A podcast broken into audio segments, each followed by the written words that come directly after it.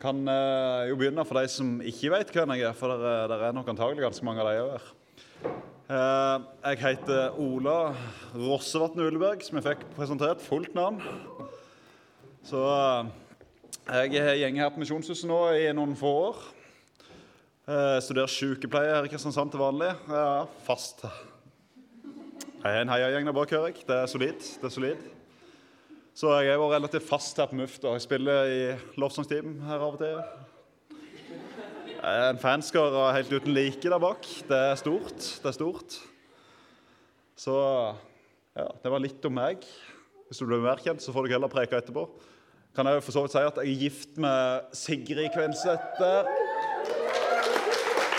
Hun er ikke så glad i oppmerksomhet, så derfor er jeg veldig god på å gi henne.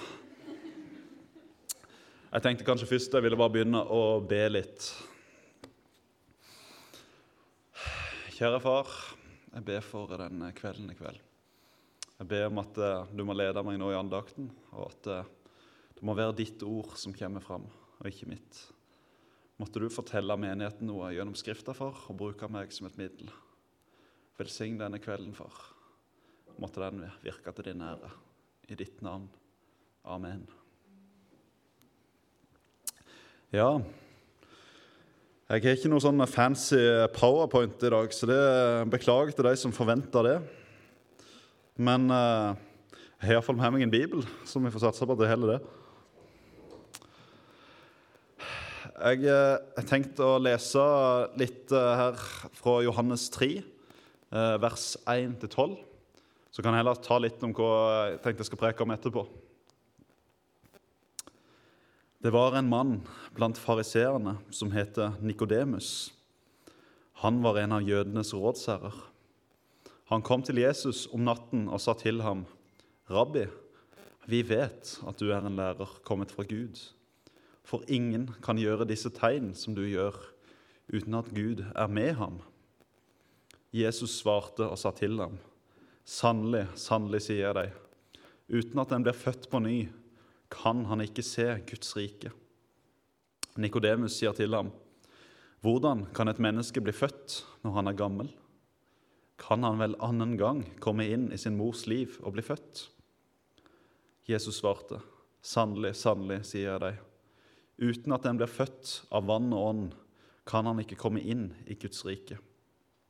Det som er født av kjødet, er kjød, og det som er født av ånden, er ånd. Undre deg ikke over at jeg sa til deg, dere må bli født på ny. Vinden blåser dit den vil, du hører den suser, men du vet ikke hvor den kommer fra, og hvor den farer hen. Slik er det med hver den som er født av Ånden. Nikodemus svarte og sa til ham, Hvordan kan dette skje? Jesus svarte og sa til ham, Du er Israels lærer og vet ikke dette. Sannelig, sannelig, sier jeg deg, vi taler om det vi vet, og vitner om det vi har sett, og dere tar ikke imot vårt vitnesbyrd. Når jeg har talt til dere om de jordiske ting, og dere ikke tror, hvordan kan dere da tro dersom jeg taler til dere om de himmelske? Ja, sannelig, sannelig, sier jeg deg, uten at en blir født på ny, kan en ikke komme inn i Guds rike, eller kan en ikke se Guds rike, stender her. Det var litt sånn tema jeg tenkte jeg ville ha for den andakten i dag. Å bli født på ny. Hva betyr det? Hva er det for noe? Hva vil det ha seg for oss som kristne? Og du ser at På sett og vis må det jo være vanskelig å gripe for Nikodemus, som Jesus her taler med. Han var det som står her da, i min bibel, en rådsherre. Han var med som en av medlem av det høyeste jødiske råd, råd og Sanhedriden er det det heter. Adrian, du har studert religion, så det burde du vite. Ja. Og dette var med som de mest kunnskapsrike menn i hele Israel. Det var menn som, som kunne ja, det som da var Bibelen på den tida, hele Gammeltestamentet. Ofte så kunne mange av det hele utenat. Dette var menn som virkelig hadde kunnskap. De, de hadde peiling, om du kan si det på den måten. Så sier Jesus dette til han. Uten at han blir født på ny, kan han ikke se Guds rike. Og det, Nikodemus skjønner jo ikke dette, så begynner han å tenke rent fysisk. Dette her gjenger jo ikke. Altså, Vi kan jo ikke bli babyer igjen, på en måte, inn igjen i morsliv og alt som det er som fyrer med der. Det funker ikke. Det trenger ikke tenke veldig lenge på det. Men Jesus avslører jo litt mer, da, så vi kan skynde det. Å bli født på ny det er ikke noe som du ser rent fysisk. Men du kan kjenne virkning av det. På samme måten som du kjenner vinden som stryker deg over fjeset, eller ja, nå i det siste så har han gjort ganske mye mer enn å bare stryke oss i fjeset, men uh, fall Du kan kjenne den vinden selv om du ikke ser den. Og Sånn er det på samme måten med det å bli født på ny. da. Du kan ikke nødvendigvis se på det og det mennesket her inne og si du er, kan du se virkning. Men hvis du kjenner det mennesket, hvis du kjenner det i sitt liv, da kan du se det. Da kan du se virkningene. Hva vil dette bety? Men ja, litt mer, da. Hva er det faktisk å bli født på ny? Hva betyr det? Et annet vers kan kanskje si oss litt mer. I Lukas 18, vers 17, så står det Sannelig, sier dere Han sier mye sannelig. Den som ikke tar imot Guds rike som et lite barn, skal slett ikke komme inn i det. Nå begynner vi kanskje å ta litt mer tegninger. Vi fenger to bilder som danner litt mer av det med å være barn. da. En er født på ny, og det må være rett som et lite barn. Kanskje begynner vi å ane forskjellene. For hva er egentlig hovedforskjellen på en voksen og en liten unge? da? To ting, sånn tenker jeg iallfall umiddelbart primært når jeg skriver denne talen. Det handler om den voksne sin autoritet og den voksne sin selvstendighet. Vi vil jo veldig gjerne bestemme alt over vårt eget liv. og vi, vi vet, En voksen vet jo hva som er best for seg sjøl, men en unge har ikke den kunnskapen. Vi vet ikke egentlig som hva som er til vårt eget beste. Og så er vi jo eh, En unge vil jo gjerne styre sjøl og er stolt og sta, men det er kanskje det lureste, det heller. Unge vet ikke sitt eget beste. Uten at du blir født på ny. For å komme inn i himmelriket avslører da Jesus til dere at du kan ikke lenger være din egen herre.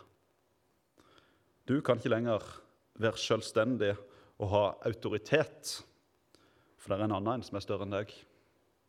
Du må ydmyke deg sjøl, sier Skriftet andre plasser. Du kan må si at eh, 'jeg ikke er verdig'. Jeg er ikke i stand til å gjøre det sjøl. Mitt liv, mitt liv heller ikke mål. Vi må si som Peter på vannet, 'Herre, frels meg'. Så du kan ikke altså for lenger få være voksen. Men det er jo en veldig bra ting med det, da. Og det er at du kan få lov til å bli Guds barn. For hvis du sier at Gud, at Han er Herre, du gir Han rett Du sier 'Gud, vær meg synder nåde', så skjer det noe. Når du velger å omvende deg og si at uh, mitt liv, min gjerning, det er ingenting verdt. Det er fullt av synd. Det holder ikke mål. Og du velger å omvende deg og komme til Gud. Da skjer det noe. Da skjer en adopsjon, egentlig. At du får lov til å komme inn i Guds familie. Du får lov til å bli en arving av Gud sjøl. Du får på en måte arverett til alle hans gode og himmelrike.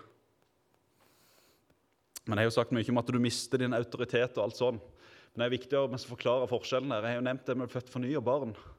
Men en må skille det fra det å være en slave. For det er en betydelig forskjell.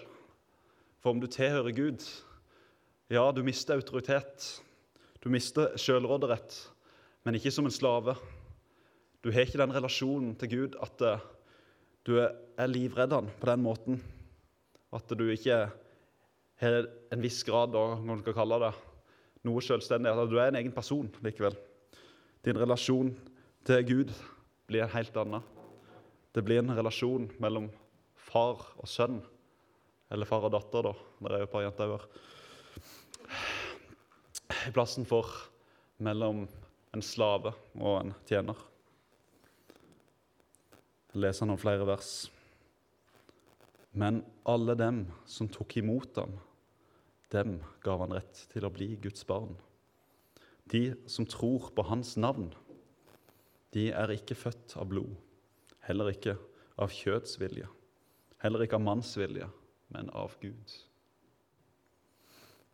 Vi lærer noe mer i forhold til det i stad, men ikke det var en fysisk fødsel. Det er ikke født av blod, det er ikke av kjød, det er ikke manns vilje, men det er en fødsel som skjer av Gud.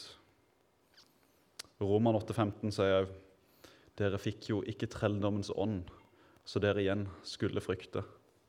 Men dere fikk barnekårets ånd, som gjør at vi roper 'Abba, far'. Det å bli født på ny og komme inn i en ny relasjon med Gud, det gjør at du kan få rope 'Abba'. Er det noen her som kjenner til det ordet? Det er et arameisk ord. Og Det er tilsvarende på norsk, og som om en baby skulle sagt 'pappa'. Sånn tostavelsesord. Kjempeenkelt. Noe av det første en baby lærer, er jo det 'mamma' eller 'pappa'. På samme måte er det her 'Abba'. Du får rett og slett en sånn type relasjon med Gud at som en liten baby ville ha sagt til sine foreldre sånn kan Det er den relasjonen på en måte til Gud. Så nær til Gud kommer du, men du får bli hans barn. Nå må jeg bare få skjermene på. her, vet du. Slukke av deg bitte grann. Hvordan skjer det? Jeg har jo gjaldt gjengen litt gjennom det. Men for å bli født på ny, ja, da må du tro på Guds sønn. Må tro på Jesus og tro på det verk han gjorde. Må tro at det er synd, at du er en synder. Men Jesus, han døde for dine synder.